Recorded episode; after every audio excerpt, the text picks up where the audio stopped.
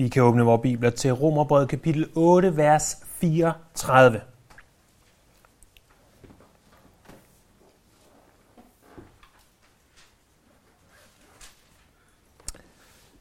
Her skriver Paulus, Hvem vil fordømme? Kristus Jesus er død, jeg er endnu mere. Han er opstået og sidder ved Guds højre hånd og går i forbøn for os. Alle religioner har deres symbol. Øh, islam de har halvmånen. Jødedommen har Davidstjernen. Den kinesiske filosofi har yin og yang. Kristendommens symbol er og bliver korset. Øh, korset er på en og samme tid det mest tragiske og det mest vidunderlige, som er sket i verdenshistorien. Øh, det symboliseres ganske godt af det, som vi kalder nu på fredag på dansk og på engelsk. På dansk kalder vi den for lang fredag. Øh, formodentlig fordi, at øh, man i gamle dage fastede, og derfor synes dagen lang. Formodentlig fordi, at man godt ved, at der skete noget forfærdeligt, så at det var som om, at tiden gik i stå. På den ene side er dagen forfærdelig, fordi Jesus døde. På den anden side, som man kalder den på engelsk, Good Friday, så er det den bedste af alle dage. For det er den dag, der blev betalt for din synd. Der findes intet større, intet bedre, intet mere vidunderligt. Den dag, der døde Jesus for dig. Det er sagt, at du forstår ikke Kristus, indtil du forstår korset. Men hvordan kan vi forstå korset? Korset er jo i sig selv, som vi lige har sunget, en gåde. Det er en gåde. Og det er det, vi vil se på i dag, at Kristus, Jesus, er død. Det første er det, vi læser e, efter spørgsmålet i vers 34. Hvem vil fordømme? Kristus Jesus er død. For i vers 33, der bliver stillet spørgsmålet, hvem vil anklage Guds udvalgte? Det er Gud, som gør retfærdigt. Det var det, vi så på sidste gang. Ingen kan anklage Guds udvalgte, for de er Guds udvalgte. Ingen kan anklage os, for vi er retfærdiggjort. I dag stilles spørgsmålet, hvem vil fordømme os? Og til det svares øh, med fire grundsøjler i den kristne tro. Den første af disse er, Kristus Jesus er død. Så står der, og jeg er endnu mere, han er opstået. Og så står der for det tredje, og sidder ved Guds højre hånd. Og for det fjerde, og går i forbøn for os. De fire søjler gør, at vi ikke behøver øh, findes med og opleve fordømmelse. Vi bliver ikke fordømt. Den her palmesøndag, der vil vi ikke se på palmesøndag, vi vil skue imod langfredag eller Good Friday, og se, hvad der skete der, da Kristus Jesus døde. Vi vil se på det i tre overskrifter. For det første, hvem er han, der døde? For det andet, hvad skete der med ham, der døde? Og for det tredje og sidste, hvorfor skete det med ham, der døde? Så for det første, hvem er han, der døde? Øh, det første, vi observerer, det er, at Kristus Jesus er død. Han omtales ikke som Kristus alene, han omtales ikke som Jesus alene, men han omtales som Kristus Jesus. Kristus er den græske oversættelse af det hebraiske Messias. Øh, Messias, som betyder salvet. I det gamle testamente, der læser vi, hvordan profeterne forudsagde, at den her Messias skikkelse, som i øvrigt ikke særlig ofte omtales i termerne Messias, men en Messias skikkelse skulle komme. Profeterne profeterer om det. Vi læser også, hvordan præsterne dagligt måtte ofre. Hvordan de, de hele tiden og konstant måtte komme med de her ofre med blod for at nærme sig Gud. Og vi læser, hvordan det var af den kongelige slægt, at Messias skulle komme.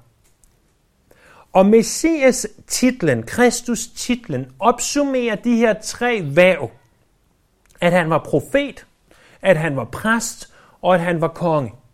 For Jesus er den eneste, der opfylder alle tre på én gang. At være både profet og præst og konge på en og samme tid.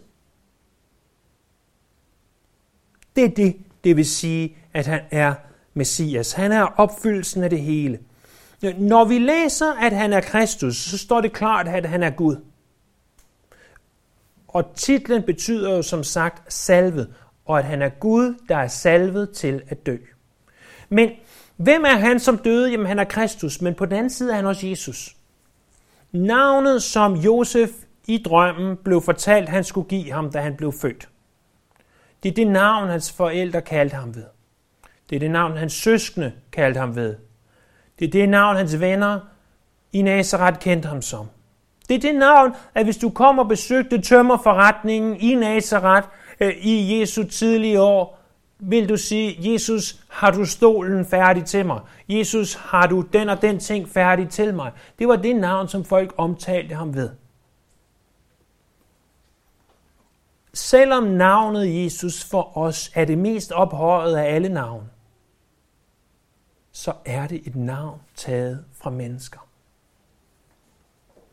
At han kaldes Kristus Jesus understreger på en og samme tid, at han er Gud og at han er menneske. Som jeg forstår det og læser Bibelen, så har det en betydning i konteksten, om der står Kristus Jesus eller Jesus Kristus. Det kommer an på, hvad det er, der vil understreges. Her står der Kristus Jesus. Det vil understreges, og det skal understreges, først og fremmest, at han er Gud. Jeg synes jo nærmest, det er ironisk, at Nietzsche, han skrev, Gud er død. Nietzsche var ateist. Han skrev, Gud er død. Det er mere sandt, end Nietzsche selv vidste, tror jeg, at Gud er død. For Gud døde den dag på korset. Heldigvis ved vi, hvad der står bagefter. Kristus Jesus er død. Der står, ja, endnu mere. Han er opstået fra de døde. Så der var en grund til, at han skulle dø. Det var ikke bare øh, fordi, at han havde gjort noget, han ikke skulle, eller på grund af en ulykke. Der var en grund til det. Det var Gud, der døde den dag på korset. Hvem er han, som døde? Det er Kristus Jesus. Så det andet spørgsmål. Hvad skete der med ham, der døde? Øh, korsfæstelse, det fremstod med ganske mange metoder og måder. Øh, fælles for alle former for korsfæstelse, der var, at det var en barbarisk og sadistisk henrettelsesmetode, hvor bødlerne fik temmelig frie tøjler. Og i en eller anden grad bestod det i, at man pinte og plagede offeret, hang det på en pæl, et kors, øh, et eller andet, man kunne hænge folk på, og lod dem dø en langsom, langsom, pinefuld død. Det var langt bedre at blive hængt, eller endnu bedre endnu at få hugget hovedet af. For så skete det hurtigt. Korset kunne tage dagevis. Josefus, den jødiske historiker, han beskriver massekorsfæstelser i år 70 som et grusomt syn, der skulle få alle oprørere til at tige. Hvad ved vi om det her korsfæstelse? Prøv at se med mig i Markus kapitel 15. Markus evangeliets 15. kapitel.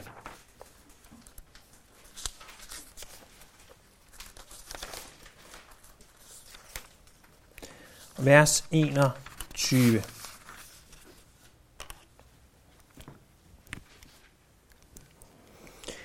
Her læser vi, og de tvang en mand, som kom forbi ude fra marken til at bære hans kors. Det var Simon fra Kyrene, far til Alexander og Rufus.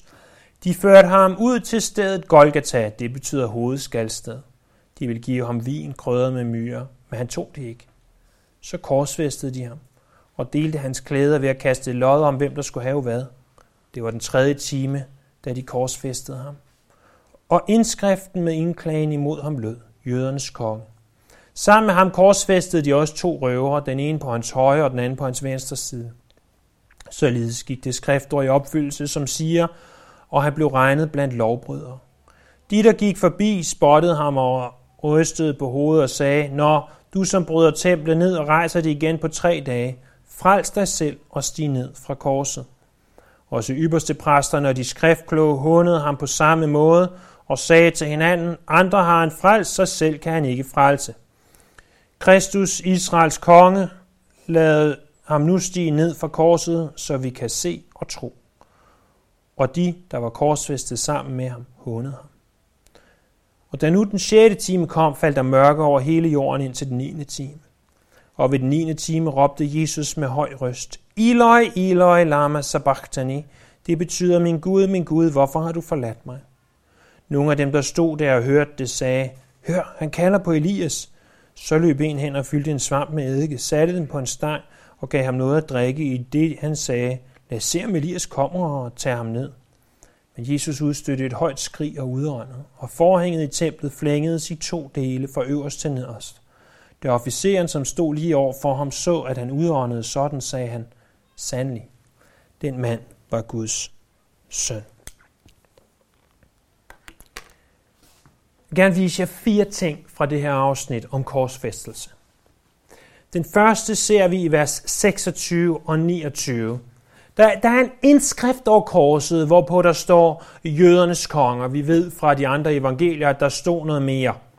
Øh, men her gengiver Markus, at der stod jødernes konger. I vers 29, de der gik forbi, spottede ham og rystede på hovedet og sagde, korsfæstelse blev for det første gjort i det åbne. Øh, det var jo en kriminel, det her. Og, og hans straf skulle vises for hele verden. Øh, Jesus døde i åben skam, så at alle måtte se det. Det er også det, der tales om i Hebræerbrevet kapitel 12, vers 2, og, og flere forskellige andre steder, at Jesus måtte, måtte dø i den her åbne skam. Det er den første ting. Den anden ting ser vi i vers 28. Således gik det skriftord i opfyldelse, der siger, og han blev regnet blandt lovbrydere. Den anden ting, jeg godt vil understrege omkring korsfæstelse, er, at korsfæstelse var en kriminels, ja en slaves død. Det, det var ikke noget, man gjorde med romerske borgere, det var ikke noget, man gjorde med de fleste. Det var noget, man gjorde med oprørere, røvere og i særdeleshed slaver, som dengang ikke havde et, et enligt liv. Jesus døde som en gemen kriminel. Han døde som en slave. Hvilket jo er ganske passende, for da Jesus kom til jorden, så kom han ikke for at lade sig tjene, men for at tjene og give sit liv som en løsesum for mange. Og, og vi ser i Filipperne kapitel 2, vers 8, at han tog en tjeners skikkelse på.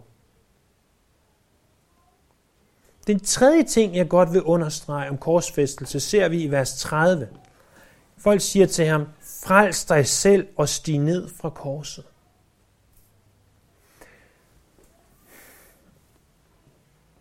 Når folk så på korset, så så de mere end en mand, der blot blev henrettet. De så mere end noget andet måske en menneskelig offring til Gud, guderne, afhængig af hvis øjne du så med.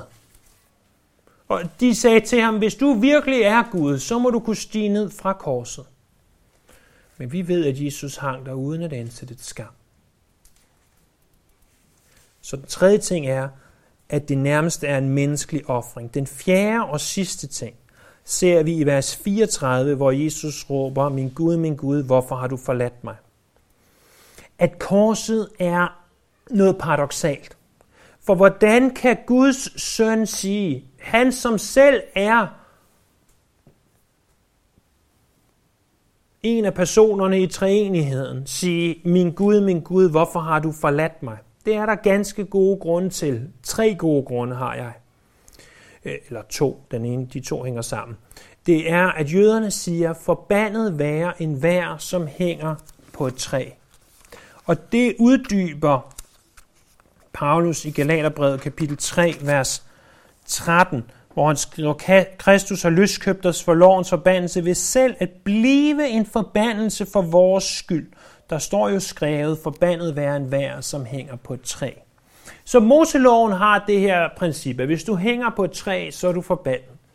Jesus lod sig øh, hænge på et træ, fordi at han skulle være forbandet. Hvilket leder mig til den anden ting, den anden grund til, at han kan sige, min Gud, min Gud, hvorfor har du forladt mig? Ikke bare, at han var forbandet, fordi han hang på et træ, men fordi Jesus som det syndfri offer, han var, står der i 2. Korinther 5:21, han blev synd for os, for at vi kunne blive Guds retfærdighed i ham.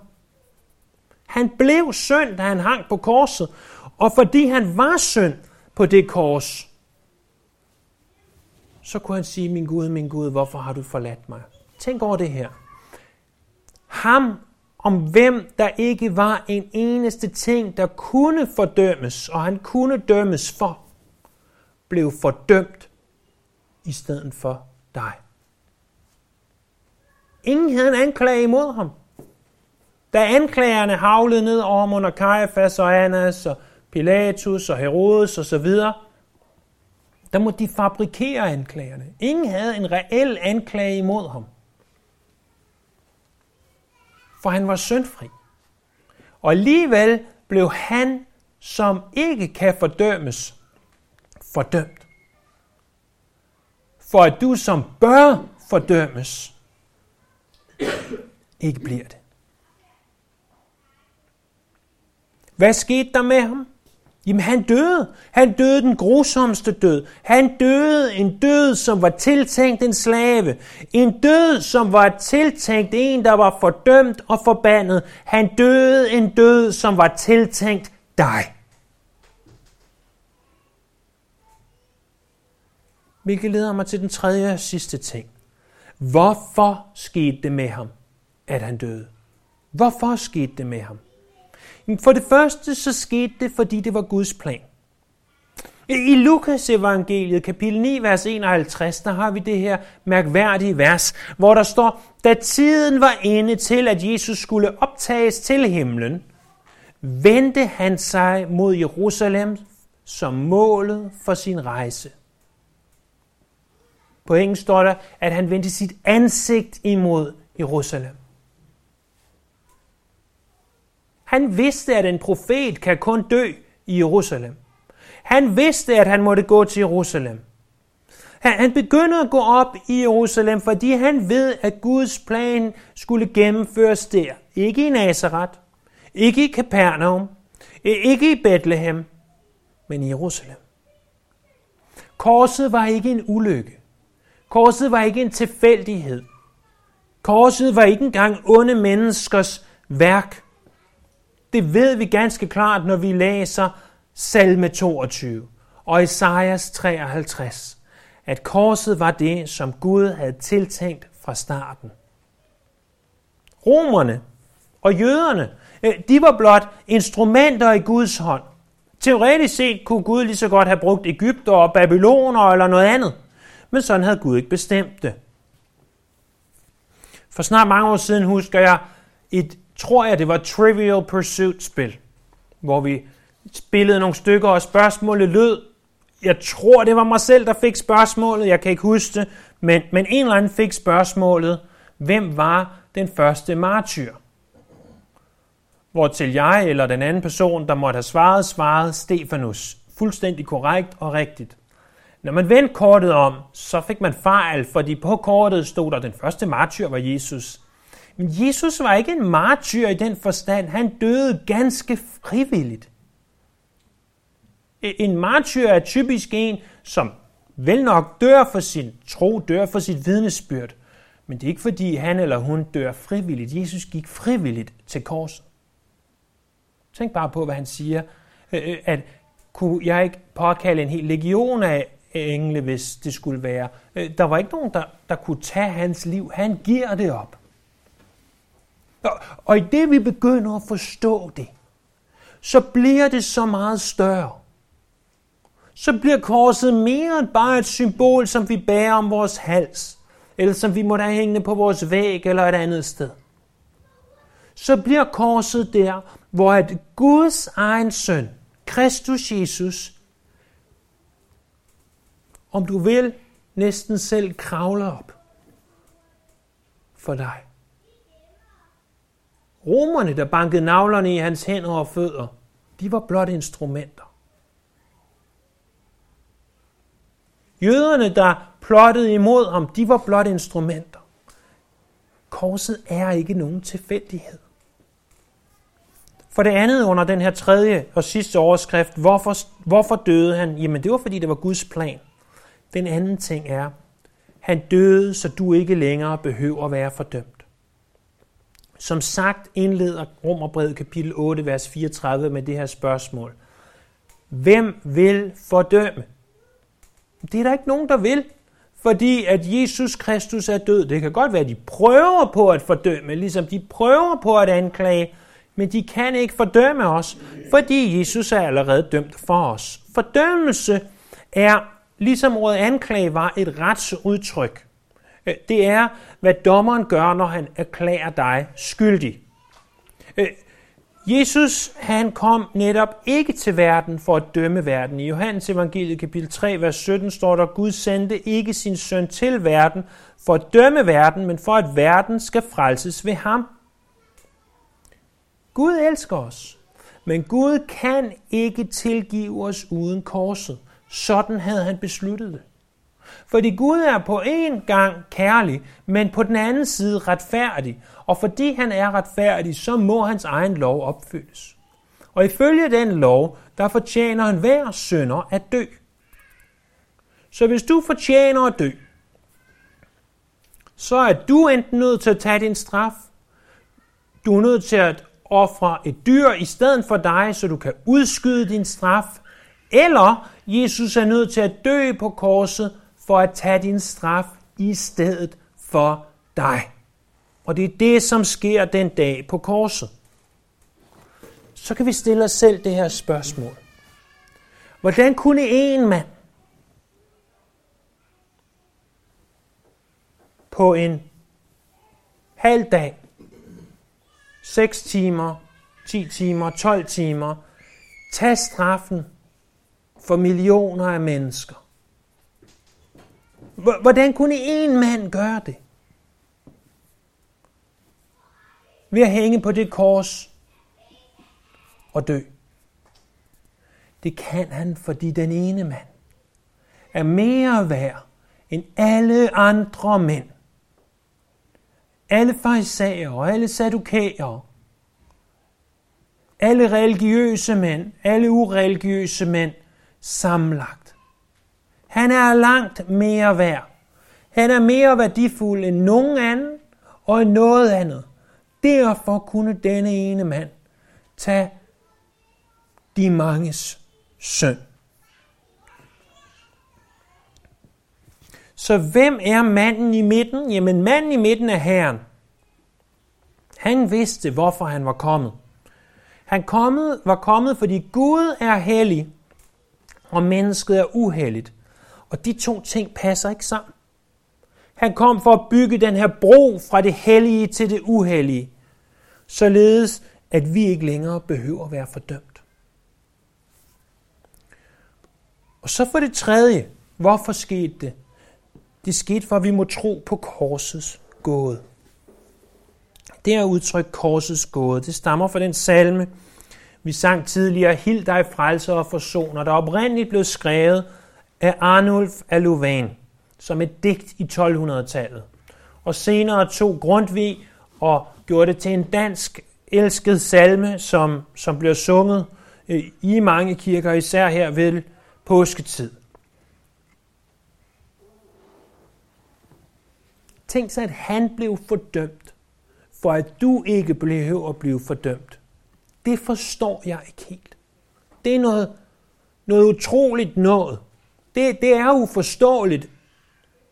Bibelen bruger et andet ord om en gåde om det her. Det bruger ordet mysterie. Ideen er den samme. Det er en gåde, det er noget, som kun kan forstås ved åbenbaring.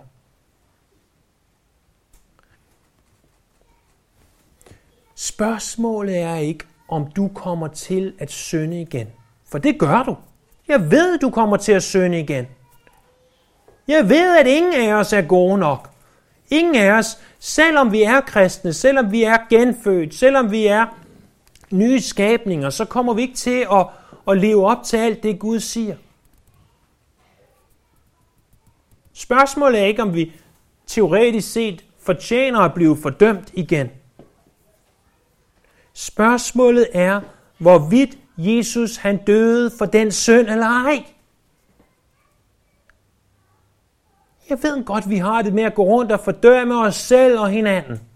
Men hvis du er i Kristus Jesus, så er enhver synd sonet. Så er der ingen fordømmelse for de, som er i Kristus Jesus. Hvem kan fordømme? Kristus Jesus er død. Øh, det kan kun forstås ved åbenbaring. Du kan ikke forstå det med din hjerne. Fordi ved korset, der står vi ansigt til ansigt med vores stolthed. Det er der, vi står og siger, jamen, jeg er jo ikke god nok. Jeg er stadigvæk ikke god nok. Nej, du er ikke god nok, men det gør ikke noget for en anden døde i dit sted.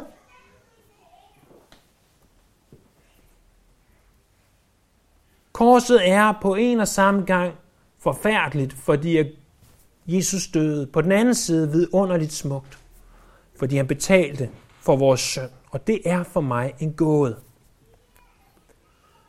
Hvad har vi set?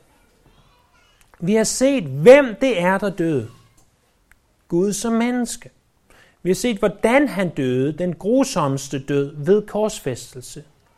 Og vi har set, hvorfor han døde, for at du ikke måtte forblive under fordømmelse. Jeg håber, du vil tage det her med dig i dag. At hvis Jesus han døde på det kors, for at du ikke skulle fordømmes, hvem er du så at gå rundt at fordømme dig selv, når din søn er tilgivet? Det er næsten som du korsfester ham igen. Det har vi ingen ret til. Vi har ingen ret til hverken at fordømme os selv eller andre, for han blev fordømt for os.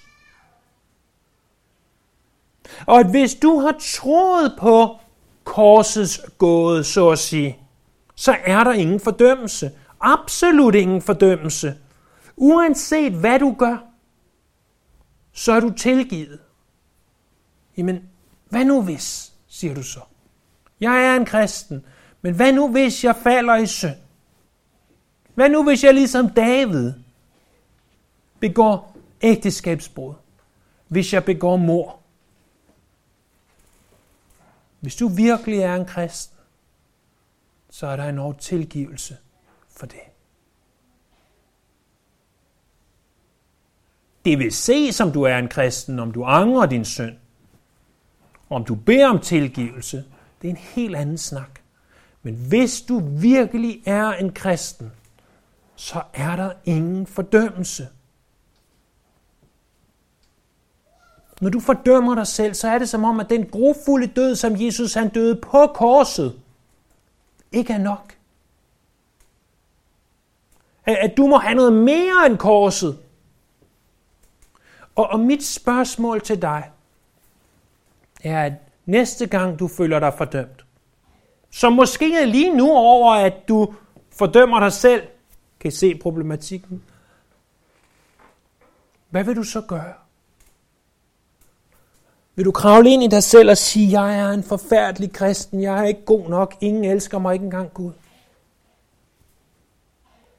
Eller vil du rejse dig op og sige, det vidunderlige kors, det fantastiske kors, hvorpå min frelser døde for mig. Jeg tror på det. Jeg tror på, det er sandt, at det kors er nok. Det er jo i virkeligheden det, det vil sige at tro. Det er at tro på, at korset er nok til, at du bliver tilgivet. Og proklamere, ja, jeg tror på korsets gåde. Jeg tror på, det er sandt. Bekende din søn, og så komme videre. Lad os bede.